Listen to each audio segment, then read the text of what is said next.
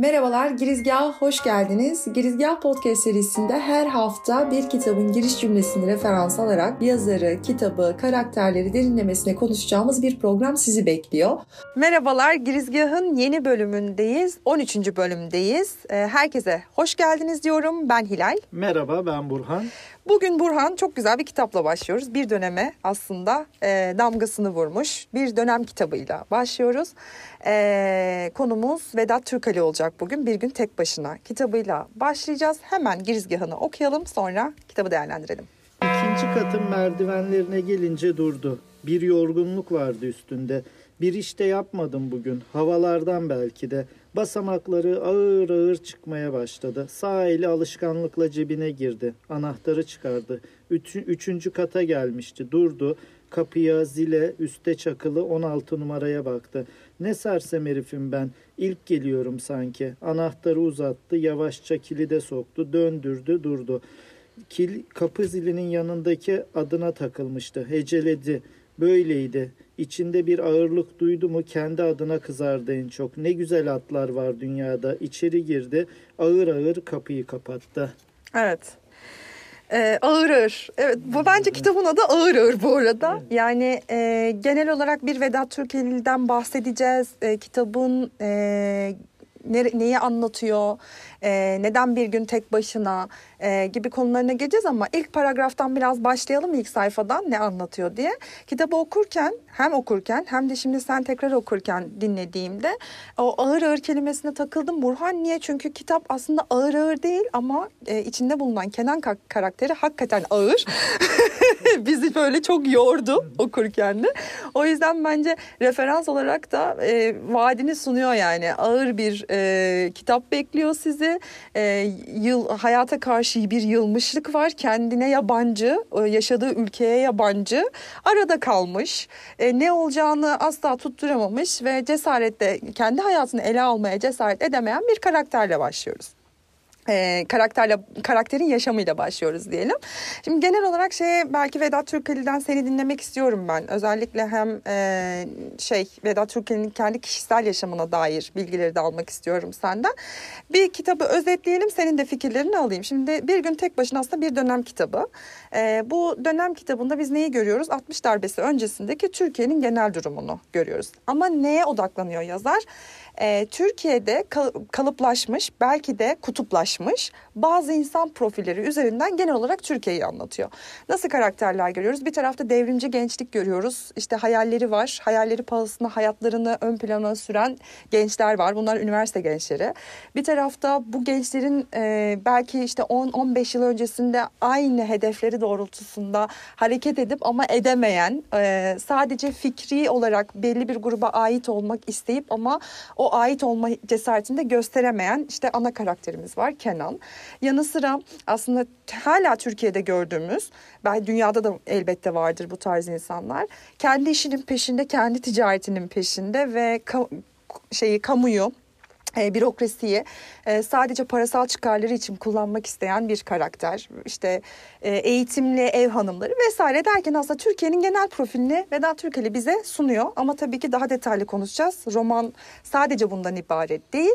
Ben e, bu anlamda değerli bulduğum bir roman. Hem de siyasal tarafı da var elbette ki politik tarafı da var. Orayı da konuşacağız. Senin de fikirlerini alalım. Ee, dediğin gibi kitap ağır ağır ilerliyor. Ee, ilerlerken e, bizi de ağırlaştırıyor yüküyle birlikte. Tabi burada kitabı değerli kılan birkaç şey var. Bence en önemlisinden başlayayım. Şimdi bu içeriden yazılmış bir kitap. İçeriden derken neyi kastediyorum?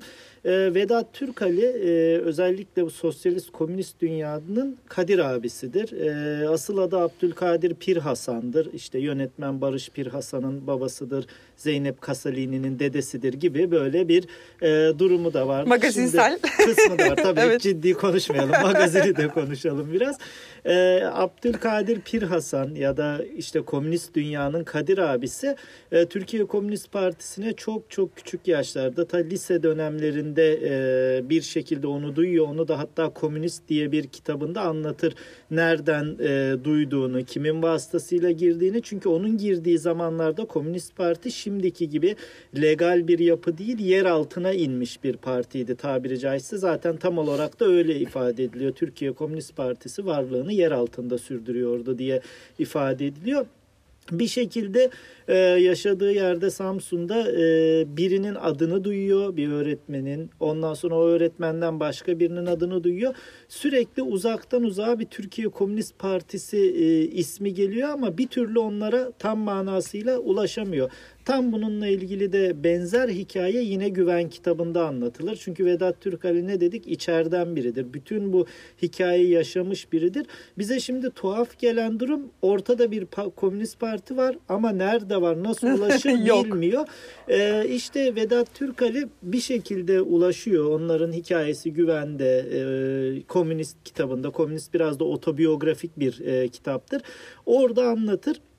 O yönüyle bir gün tek başına çok kıymetlidir. Çünkü evraktan, anılardan, hatıralardan değil, birinci elden, birinci ağızdan e, yaşanan bir hikayenin romanlaştırılmasıdır. Buradaki hiçbir karakter Vedat Türkali'dir e, gibi bir iddiamız yok. Ama Vedat Türkali o dönem işte yaşadığı şeyleri bunu yazdığında 1970'li yıllar diyelim e, Komünist Parti'ye girişi de 40'lı yıllar diye düşünürsek o 30 yıllık süreçte yaşadığı birçok hikayeyi imbikten geçirerek ortaya muazzam bir e, şey komünist dünya romanı da çıkarıyor. Tabii bunu yaparken de kitabı aynı derecede e, güzel yapan Vedat Türkel aynı zamanda çok iyi bir gözlemci.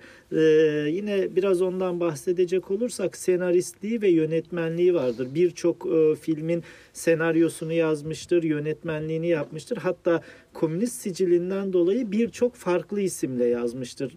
Ve şöyle bir şey vardır tam olarak kaç filmin yönetmenliğini, senaristliğini yaptığı da bilinmiyor. Çünkü bir sürü farklı isimle e, yapmıştır bunları.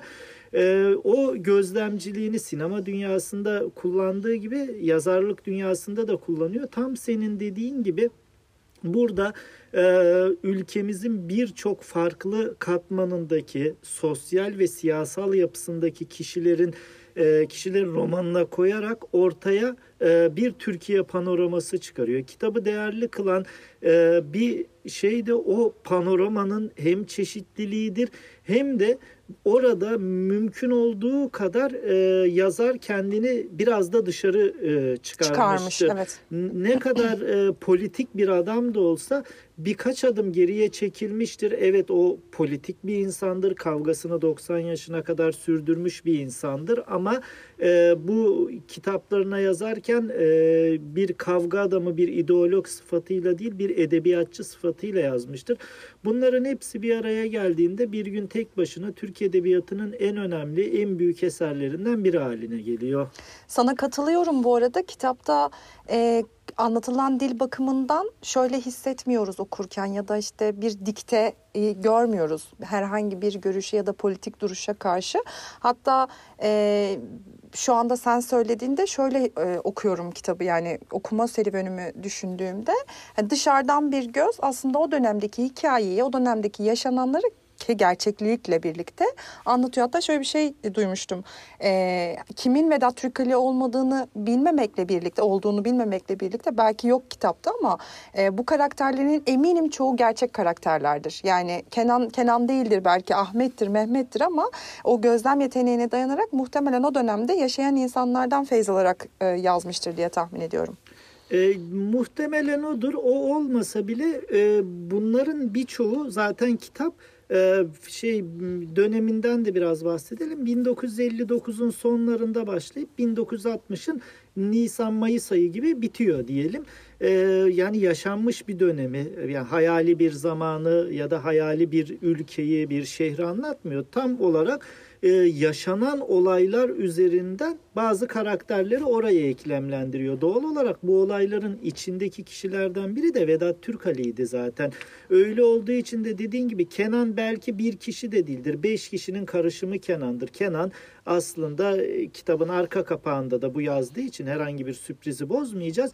E, bir Tokat'la davasından dönmüş bir kişidir. Vedat Türkali ise e, çok bedeller ödemiş. Buna rağmen davasından dönmeyen biridir ve o Tokat'la davasından dönenleri, ideolojisinden dönenleri görmüş biridir. Evet Kenan direkt bir kişi de olabilir ama bir, grubu bir, da bir grubu, bir e, durumu, bir olayı da temsil ediyor diyebiliriz burada. Çünkü o dönem bir birçok insan o e, gizemin, o e, heyecanın dalgasıyla Türkiye Komünist Partisi'ne giriyor. Bunu başka yerlerde yazıyor Vedat Türkali. Ama ilk poli, polis baskınında ben buranın yasak olduğunu bilmiyordum diyenler bile oluyor. Türkiye gerçeği. Türkiye gerçeği. Şimdi onu da gördüğü için orada e, bir e, dediğim gibi şeyi, bir düşünceyi temsil ediyor aslında Kenan. E, ve aynı şekilde Günsel, diğer karakterler, eşi böyle birçok e, şeyi o temsiliyeti de güzel yapıyor kitap. Evet e, doğru söylüyorsun. İçeride yani yine tekrarlamak istiyorum. Çok politik bir kitap olmasına rağmen bir düşünceyi, bir e, politik duruşu asla okuyucusuna e, dikte etmeden e, bir edebi eser okurmuşçasına okuyoruz. O da Vedat Türkel'in aslında yazdığı esere bakış açısıyla e, evet. ve konumlandırmasıyla ilgili dedin. E, o zaman biraz kitap içeriğinden bahsedelim, oraya gelelim. Şimdi kitap e, bir yanıyla e, siyasi politik bir yanıyla da aslında içeride daha duygusal bir e, hikayenin bir aşk hikayesinde olduğunu görüyoruz. E, biraz önce politik tarafından e, bakalım ve konuşalım. E, şimdi kitabın bir bölümünde ne şiirler yazdık ne sev, e, söylevler çektik bir zamanlar. Değişmeyen tek e, değişmektir. Değişmeyen tek şey bu ülkede değiş, değişmektir. Bu ülke niye değişmez gibi bir cümle kullanıyor. Aslında hani e, dönemi anlatırken de Türkiye'nin genel perspektifinden de yola çıkarak yazılmış bir cümle olarak okuyorum ben bu e, cümleyi. E, sorunlarla uğraşan bir ülke var. E, Vedat Türkali de bunların içinde. E, roman bağlamında baktığımız zaman yani e, 60'lı yılları anlatıyorsa işte e, 60 yıllık bir cumhuriyet tarihimiz var. Onun öncesinde işteki e, Osmanlı Devleti'ni düşünelim. Yani bir Türk tarihinin aslında hala bugüne de döndüğümüzde değişmeyen bazı şeyler var. Değişmeyen kutuplaşmalar var. Değişmeyen insan kavgaları var. De, gelişmeyen bir toplum var gibi gibi aslında o döneme bir döneme e, perspektifini alarak konuşuyor ama biz bu günümüzde hala aynı şeyleri konuşuyor oluyoruz. Yine farklı e, politik duruşlarla, farklı söylemlerle, farklı yaşayışlarla bugünün gündemi de farklı, kutuplaşmalar farklı. 40-50 yıl önce, 60 yıl önce farklıydı. Bugün farklı kutuplaşmalarla hayatımıza devam ediyoruz.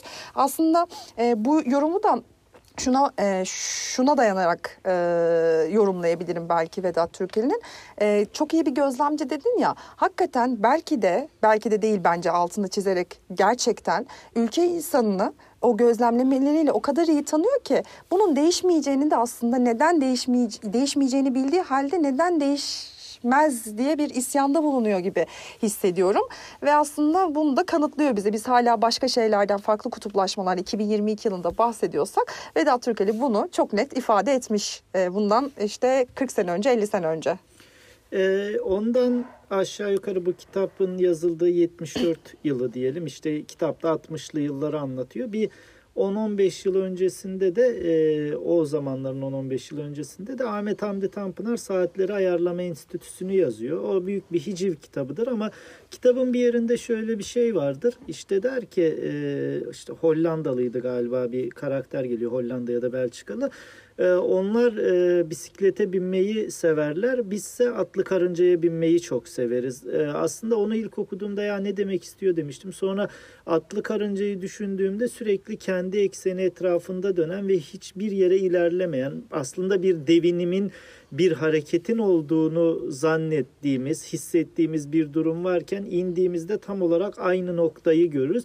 Ve o zaman şöyle düşünmüştüm ya ne kadar da güzel bir benzetme olmuş bize dair. Çünkü biz Ahmet Hamdi'nin orada bahsettiği Vedat Türkali'nin bu senin okuduğun e, cümlesinde bahsettiği gibi aynı sorunların içinde çok debelenen bir toplumuz. Bunu işte Vedat Türkali 74 yılında yazdığında görüyor. İşte biz 2022'de e, kutuplar değişiyor bir miktar. Yani aşağı yukarı eksen aynı ama biraz daha farklı değişiyor. Söylemler değişiyor. Söylemler biraz değişiyor ama yine e, o çamurun içinde debeleniyoruz. Çünkü herhalde o atlı karıncaya binmeyi de seviyoruz. Yani yoksa başka türlü bir şey olamayacak. Bu tarafıyla da zaten e, hep konuşuyoruz ya seninle. E, bir e, eserin klasik olmasını sağlayan en önemli unsurlardan biri her çağa hitap, hitap edebilmesidir. Şimdi bunu da bir Türk klasiği gibi düşünürsek, modern Türk klasiği gibi düşünürsek, e, evet zaten bugüne hitap edebiliyor ki biz 2021'de okuduk. Yani bu kitabı güncel olarak okuyabiliyoruz çünkü bahsettiği olayların tamamını bugün de biz büyük oranda yaşıyoruz. E, bu mesela şeye şunu söyleyebilirim, şunu ekleyebilirim yorumuna. Aslında e, bir noktada e, hem güncelliğini koruyor. E şimdi günün, günün sonunda baktığımızda tarih kitabı kadar eski bir kitap olmamakla birlikte aslında e, Cumhuriyet tarihinin yani işte yakın Cumhuriyet tarihi gibi bir şey söyleyebiliriz 60'lı yıllara. E, 60'lı yıllardan Türkiye toplumuna dair e, bir bir tanımlamada bulunuyor. Ee, bir sav ortaya koyuyor ve o sav hala geçerliliğini koruyor. Bahsettiği şey o. Biraz da ben burada şeyi görüyorum. Hakikaten ileri görüşlülük yani Türk klasiği dediğin ya da işte modern klasiklere baktığımızda e, insanın özüne dair ya da toplumların özüne dair bir şeyler ifade ediyorsa ve bir, o ifade ileri görüşlülükle taçlanıyorsa zaten o kitap klasik oluyor diye yorumlayabiliriz evet. burayı. Şimdi e, biraz da Kenan karakterine gelelim. Çünkü biz bu Kenan karakterine çok hoşlaşmadık değil mi? Ailecek çok hoş, evet. Kenan karakterini çok sevmedik. Niye? Belki de bazen şöyle yorumluyorum Burhan. Hakikaten e, sevmediğimiz insanlarda da kendimizle ilgili sevmediğimiz bir şeyler varsa sevmeyiz ya çünkü kendimizden bir şey buluyoruz. Sonra ben bazen e, etkilendiğim ya da hiç hoşlanmadığım kitap karakterleriyle ilgili diyorum ki acaba bana neyi yansıttı da ben hani bunu beğenmedim. Bende hoşlanmadığım durumu mu anlatıyor bana diye. E, belki de öyledir yani. Biz de zaten bu toplumun birer parçasıyız. Mu- muhtemelen bazı noktalarımıza, ince karınlarımıza, yumuşak karınlarımıza dokunuyor. Şimdi o zaman e, kitap karakterin Kenan'dan bahsedelim biraz. E, Kenan'ın başından şöyle bir şey geçiyor. E, bu genç devrimci gençlikle birlikte e, yol alırken aslında bir gün yakalanıyorlar ve karakolda işte e, sadece iki tokatçık e, bir tokatla dayak yiyor. E, ondan sonra da yolundan vazgeçiyor. Fakat e, romanın ilerleyen dönemlerinde Kenan'ın gençliğini hatırlatan o eski günlerini kendisini e, götürecek bir karakterle karşılaşıyor ve Günsel'le karşılaşıyor. Biz bundan sonra Günsel'le karşılaşmasından sonra bu karakterin sürekli iç hesaplaşmalarını e, aslında e, var olmak istediği, aidiyet duyduğu o işte iki tokatla vazgeçtiği belki de arkadaşlarını sattığı kendi, e, gruba kendine ait hissediyor. Hissetmeye çalışıyor ama asla oraya dahil olamıyor. O cesareti gösteremiyor gösterememekle birlikte aslında kendi hayatından da mutsuz. Yani biz sürekli iç çatışmalar halinde nereye ait olduğu konusunda hiçbir fikri olmayan bir karakter görüyoruz burada. Ee, sen nasıl yorumlarsın? Kenan'ı Türkiye gibi yorumlayabiliriz. Oradan biraz başlayalım. Şimdi e, böyle tarif ettiğinde aslında sanki Türkiye'yi de tarif ediyorsun gibi e, hani senin tarifin üzerinden e, biraz cesareti olsa bir şeyleri değiştirebilecek ama e, ufacık bir darbede de hemen sendeleyen, kabuğuna çekilen bir halde gibiyiz biz de. E, ve şeyi de yapıyor hani bu halden de memnun değil. Hani olur ya bazı yerler ben buyum, böyleyim ve e, böyle yaşamalıyım ama Kenan bu hali de kabul edemiyor ve bu hali kabul edemediği için Kenan aslında sürekli mutsuz. İşte Günsel'le karşılaştığı zaman aslında e, şeyi görüyor. Olmak istediği insanı, ad, insanı e, Günsel'in bedeninde görüyor. Günsel'e hatta bir anda böyle bir e, şey hayranlık duyuyor. Hatta bir noktada da Günsel'le bir e, yakınlaşması olduğunda şeyi diyor yani benim bu durumlarımı öğrenirse benden nefret eder. Çünkü Kenan kendinden nefret ediyor gerçekten. Roman boyunca bunu defalarca bu hesaplaşmayı biz görüyoruz. Korkaklığını görüyoruz defalarca defalarca geriye geri çekilmişliğini görüyoruz. E, sürekli geçmişi hatırlıyor. Bir türlü ileriye doğru gidemiyor ve itiraf da edemiyor. En büyük sıkıntılarından biri de o. Yani e, hiç itiraf edemiyor. Onda bile korkuyor. Evet onda bile korkuyor. Evet. Ben korktum ve bu böyle davrandım. Aslında çok insani bir şey. Korkmak çok insani bir şey ama bunu bile söyleyemiyor. Öyle olduğu zaman da tabii hem burada e, senin e, Kenan'ı sevip sevmeme ya da kulüpteki birçok kişinin sevip sevmeme meselesine de gelecek olursak aslında e, Kenan böyle kılçığı olan bir karakter. Yani o korkaklığı, geri çekilmişliği, davasından dönüşü Kenan'ın kılçığı. O kılçık da bizim boğazımıza takılıyor biraz. Çünkü biz biraz e, okurken idealize de edebiliyoruz. Yani hani o karakterlerle işte özdeşlik kurmak diyebiliriz ya. Özdeşlik kuracağımız zaman şimdi Kenan'la hiçbir türlü özdeşlik kuramıyoruz. Çünkü Kenan bir kere mutsuz. Kenan e, korkmuş, Kenan davasını bırakmış, Kenan e, eşine kötü davranıyor. E, Kenan sorumluluklarının bilincinde değil. Kenan Kenan böyle bir Evet. sürü sayabiliriz. Şimdi öyle olunca da Kenan'ı sevmek de çok mümkün değil. Sadece romanı bitirdiğimiz zaman e, şu oluyor. e, yani Kenan'a acıyoruz bir tarafıyla da Evet. böyle yani Üzülüyoruz. üzülüyoruz, acıyoruz. Sonra oradan yola çıktığımızda bir daha romanın içinden çıkıp bir adım geriye çekildiğimizde aslında Kenan içinde hayatın ne kadar zor olduğunu da görüp sevmesek de bu sefer de Kenan için e, Empati kuruyoruz empati belki, evet. kuruyoruz. Evet böyle bir durum var Kenan'la ilgili de. Ya evet bence çok güzel yorumladın o tarafta ama şimdi e, kitabı e, Kenan'ı düşündüğümde, kitabı düşündüğümde hem üzülüyor, de söylediğin şey doğru üzülüyorsun. E, bir yandan da e, bir okuyucu olarak kitabın içine girdiğimizde ya bir şeyin de sorumluluğunu al kardeşim. Yani Şu, şu çöpü de al biz çöpe at. yani şey var. hani e, ne etliye karışayım ne sütliye karışayım ama bir şeyleri de hani ben yapmayayım ama birileri benim için yapsın ve ben yapmış gibi görüneyim. E, zaten kitapta da mesela şeyi görüyoruz. Kenan hiçbir zaman o devrime inanmıyor. Yani böyle bir şey olabileceğine inanmıyor. O grup arasında o gruba muhteşem bir hayranlık duyuyor. Onlar gibi olmak istiyor. Öte yandan kendi hayatında hiçbir şey değiştirmiyor. Öte yandan ailesi var. İşte bir karısı var, e, çocuğu var. Onlara da kötü davranıyor. Yani ortada sıkışmış, kalmış, ne yöne gideceğini bil, bilmeyen, e, gitmek istediği yönü farkında olan, arzulayan ama arzuyla birlikte e, hareket, yani atalet içinde bir karakter öyle söyleyeyim. Yani tamamen e, eli kolu bağlanmış sadece etrafında dönen olaylarda savrulan bir karakter görüyoruz kitapta. Türkiye benzetmeni de gerçekten çok beğendim. Türkiye hakikaten hani baktığımızda da zaten biz kimin e, bize hani el atarsa koluna girersek onunla birlikte yola devam ediyoruz gibi bir e, durumumuz var. Ee, peki şeye biraz bakmak lazım. Yani e, romanın Kenan karakteri üzerinden baskın bir Kenan karakteri üzerinden e, devam ediyor ama e, işte yan karakterlerde belki biraz şeye girebiliriz. Yan karakterlerde de o Türkiye'nin çeşitliliğini çok net veriyor.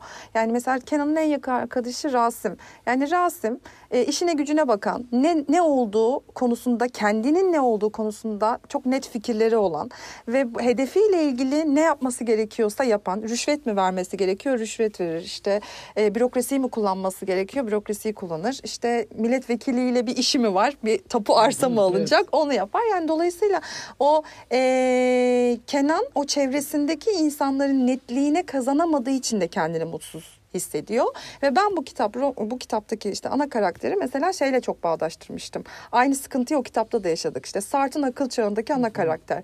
Yani orada da bir e, şey süreci var e, savaş süreci var. Savaşa katılsam mı katılmasam mı o genç o e, mücadele eden insanların arasında olmayı çok arzularım ama olmuyorum ama olmalıydım.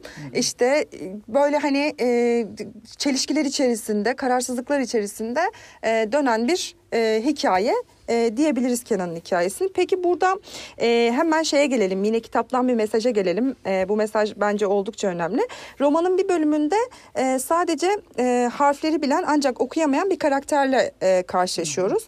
E, ve dertleşirken diyor ki ne vakit bu ülkenin gözü açılacak konusuna giriyor. E, o karakter de Mehmet bu millet de benim gibi harfleri tanıyor ama birbirine vuramıyor. Şimdi politik bir roman bugün hala okunmasının sebebi konuştuk zaten. Bu ülkedeki işte toplumun harflerinin birbirine vuramamasıdır. Yani romanın altyapısını ve il, iletmeye çalıştığı mesaj bir noktada bu bize. Yani diyor ki biz her şeyi biliyoruz ama bunları birbiriyle uyumlu içerisinde birleştiremiyoruz. E, okuyamıyoruz. Yani ne olduğunu tanımlayamıyoruz ve o tanımlamalarla belki de istemiyoruz tanımlamayı. Doğru değil mi? Öyle zaten e, hani e, istemiyoruz belki böylesini seviyoruz bu aslında Vedat Türkali bizi şu sadece yazdığı iki satırla öyle bir şeyin içine sokuyor ki yani e, bize şey bir hedef gösteriyor yani o hedefin içinde biz de varız bu Tabii arada ki. yani oradan azade değiliz hedef gösteriyor ve diyor ki bakın siz harfleri biliyorsunuz. Hı hı. Ee, bunları yan yana koyduğunuzda bu bir kelime olacak ve o kelime size bir şeyi de öğretecek, gösterecek. Siz o kelimeyi, anlamını ve manasını e, öğrenmek ve bunun sorumluluğunu almak istemiyorsunuz diyor o karakter üzerinden. O tarafıyla ben bunu romanın o kısmını okuduğumda ya böyle bir durup düşünmüştüm. Yani yapma bize bunu dedim. Yani bize niye bunu yapıyorsun şimdi? Niye böyle şey yani şeyi topu ayağımıza attı, Attı, orada. Orada evet. şey yok yani. Hani kenara çekilemiyorsun artık. Çünkü biz e, Dahil oluyorsun dahil artık. oluyoruz. Çünkü bu ülkenin mensubuyuz. Birçok şeyden aynı Kenan gibi kaçan insanlarız bu arada. Şimdi Kenan'ı niye sevmedik? Sen de söyledin ya biraz da Kendi aynamızı görüyoruz aynamızı belki. görüyoruz. Biz şimdi e, Kenan iki tokat yedi kaçtı da biz iki tokatı yemeden kaçtık Heh, birçoğunda. mesela. Yani b- bırak o tokatı daha biz o tokata varmadık. Daha bile. karakol yoluna gitmedik. Gitmedik. Evet, bu sadece şeyde de değil. Hani olayı devrimcilik bağlamında söylüyorum Tabii, tabii. gibi düşünülmesin. Bu ülkenin birçok meselesine dair söylüyoruz. Bunu hep e, konuşuyoruz ya işte e, bitmiyor sorunları. Yani e, işte bugün bakıyorsun hayvan hakları ile ilgili, öbür gün bakıyorsun kadın hakları ile ilgili, öbür gün bakıyorsun kişisel hak ve özgürlüklerle ilgili, öbür gün otobanı ödeyeceğim parayla, Parayla ilgili ilgili. bir mesele var ve biz orada o tokatı yemekten bile kaçınıyoruz. Şimdi öyle olunca da e, Vedat Türkali aslında o iki tokatı bize kendisi atıyor bu satırla. Siz harfleri de biliyorsunuz. Birbirine vurmayı da biliyorsunuz ama siz o Mehmet karakterinden bile fenasınız. Bunu bilmezden geliyorsunuz. Hadi o harfleri vurmayı bilmiyor. Hadi Anadolu'nun bilmem bir kasabasındaki insan e, ya harfi bilmiyor ya birbirine vurmayı bilmiyor ama siz hepsini bilip e, bir de bilmezden gelen şark kurnazlarısınız diyor. O tokatı bizim yüzümüze atıyor. Bence haklı da. Haklı. Yani geçenlerde e, böyle e, bir TEDx konuşmasına e, rastladım. E, dinliyordum orada aslında tam da benzer bir şey işte mesela yazarlar da bu anlamda hakikaten karşı tarafa bir düşündürücü e, o mesajı çok net bir şekilde veriyorlar. Orada da şöyle bir şeyden bahsetmişti. Ya işte mesela bugün ülkenin ilk üç tane sorununu e, sayın ne dersiniz? İşte e, dinleyicilerden işte biri ekonomi, diğeri eğitim, üçüncüsü ilk üç işte eğitim, e, ekonomi ve e, adalet yani hukuk. E, bunlardan söyleyen bir kişiyi kaldırdı ve dedi ki e, işte s- eğitim dediniz. Eğitimle ilgili bugüne kadar ne yaptınız? Kendi bileğinize mesela yüksek lisans yaptınız mı diye sordu. Hayır yapmadım. İşte aldığınız bir eksik hizmetle ilgili herhangi bir bir yere dilekçede başvurdunuz mu? Herhangi bir sivil toplum kuruluşuna katıldınız mı? Yani özetlemek gerekirse her şeyden dem vuruyoruz ama iş aksiyona geldiğinde, bir harekete geldiğinde aslında her şeyi başkaları tarafından yapılsın ve ben o refah seviyesine ulaşayım noktasındayız. Ee, yine Vedat Türkeli de aslında bize ondan bahsediyor. İşte taşın altına elini sokmadığımız müddetçe bu işler e, çok da değişmeyecek hayatımız. O e, şeyde atlı karıncada dönmeye devam edeceğiz. Biz de bunların bir parçasıyız e, diye eklememi yapayım. E, peki şeye gelelim şimdi. E, 60 darbesine giden yolda kitapta 60 darbesini anlatıyor dedik. E, 60'ın hemen öncesindeki dönemi. E, toplumun nasıl kutuplaştığını da görüyoruz. Podcast'in başında biraz bahsettik ama bir sürü insan var. Bir sürü birbiriyle e, kavga eden de çok demek istemiyorum. Çünkü o kutuplaşma olmasına rağmen şey e, maalesef bugüne baktığımda birbiriyle e, şey kav kan, gövde, bıçak meselesi de yok aslında. Fikirler kavga ediyor e, kitapta. E, bu kutuplaşma e, var. O, e, o kutuplaşmanın arasında biraz daha bence daha bugüne göre daha yumuşak o kutuplaşma. E, bu aynı zamanda işte çift taraflı, iki uçlu, renksiz bir toplumu yaratma çabasını mı doğuruyor diyeyim sana? Evet öyle. E, şu da var. E, 60 darbesi dedin. Ya onun isminde bile bu ülke anlaşamıyordu. Hatta ben evet, de, evet ben ona doğru. darbe değil o ihtilal desem burada üzerine iki saat konuşuruz şimdi değil mi? Evet, Hayır tabii ki. darbe nedir? Hayır İhtilal ihtilal, nedir, nedir? Niye ona darbe demiyoruz? Niye buna ihtilal diyoruz gibi. E, o yüzden biz daha onun isminde bile anlaşamadığımız bir konu var. Tam olarak e, işte burada da yine işte Adnan Menderes'in işte artık onu iktidarının 10. yılı ve artık iktidardan da düşmek üzere olduğu tasavvuru üzerinden o şeylerini karşı cepheye karşı e, tavırlarını sertleştiriyor.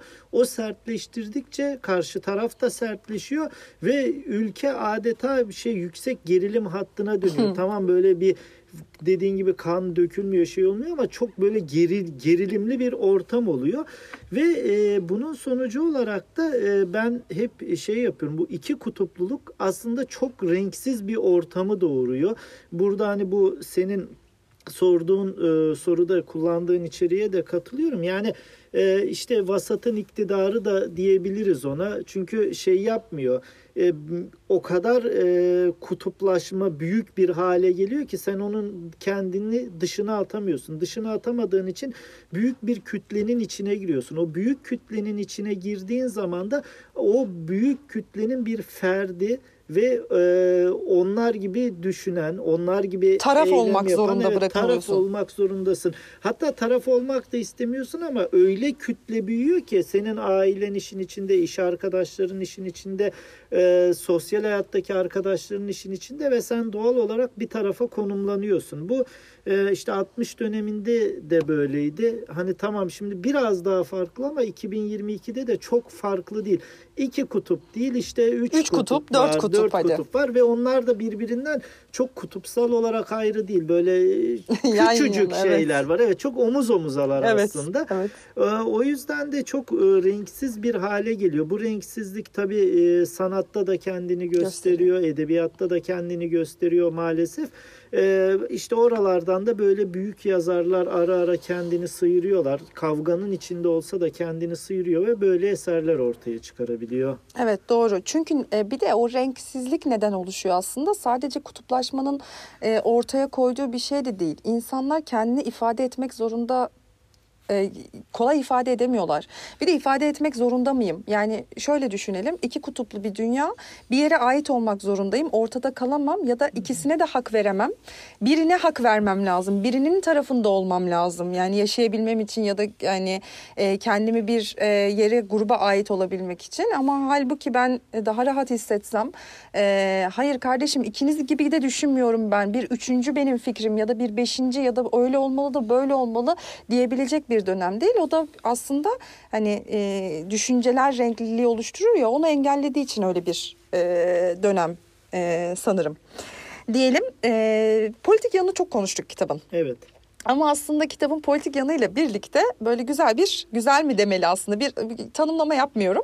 Ee, bir aşk hikayesi var. Yani Vedat Türkeli bize bir aşk hikayesini de o e, siyasal yanı, yönüyle birlikte anlatmaya çalışmış. Şimdi ülke karışık, e, insanlar birbirleriyle kavgalı. E, bunun iktidar sallanıyor. Bunun yanı sıra da işte herkes e, işte bir taraf devrimin olmasını bekliyor.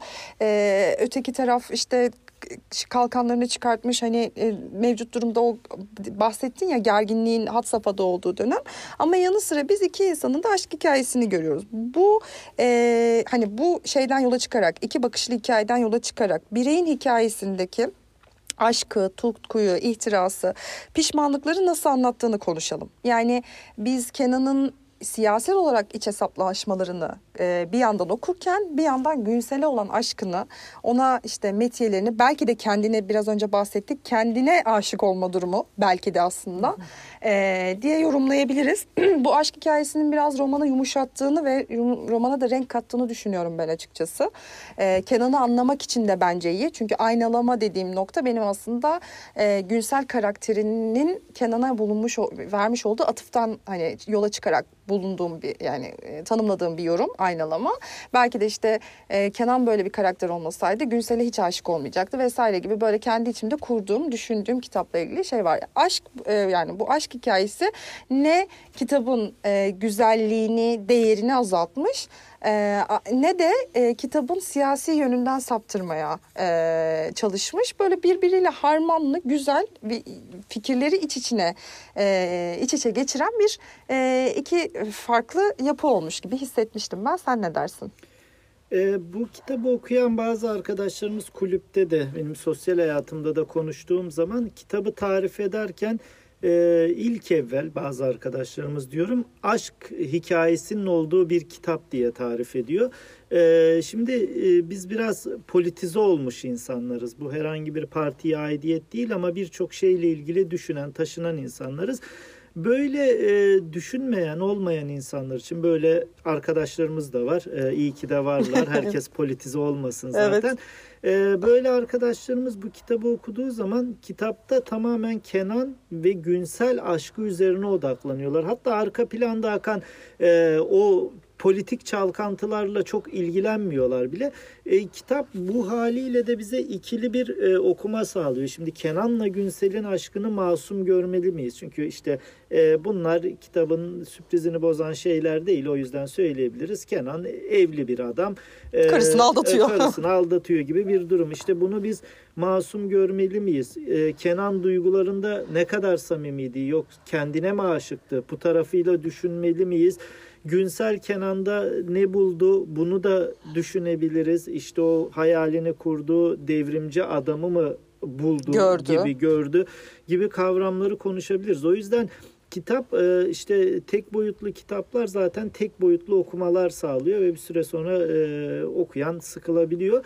Bu kitap gerçekten birkaç boyutlu okuma sağlayabiliyor. Yani kitabı biz e, bu podcast'in en başından itibaren bir aşk kitabı, e, bir tutku kitabı, bir yasak aşk kitabı gibi de değerlendirebilirdik ve onun üzerine de konuşabilirdik. Çünkü kitabın birçok bölümünde onların kavgaları, ihtirasları, birbirlerine sahip olma e, güdülerine dair birçok kavram var. Yani kitap baştan sona biraz e, politik tarafını fazla konuşmuş olabiliriz. Bir e, politik e, nosyon üzerine gitmiyor. Tam olarak bireyin hikayesini de anlatıyor.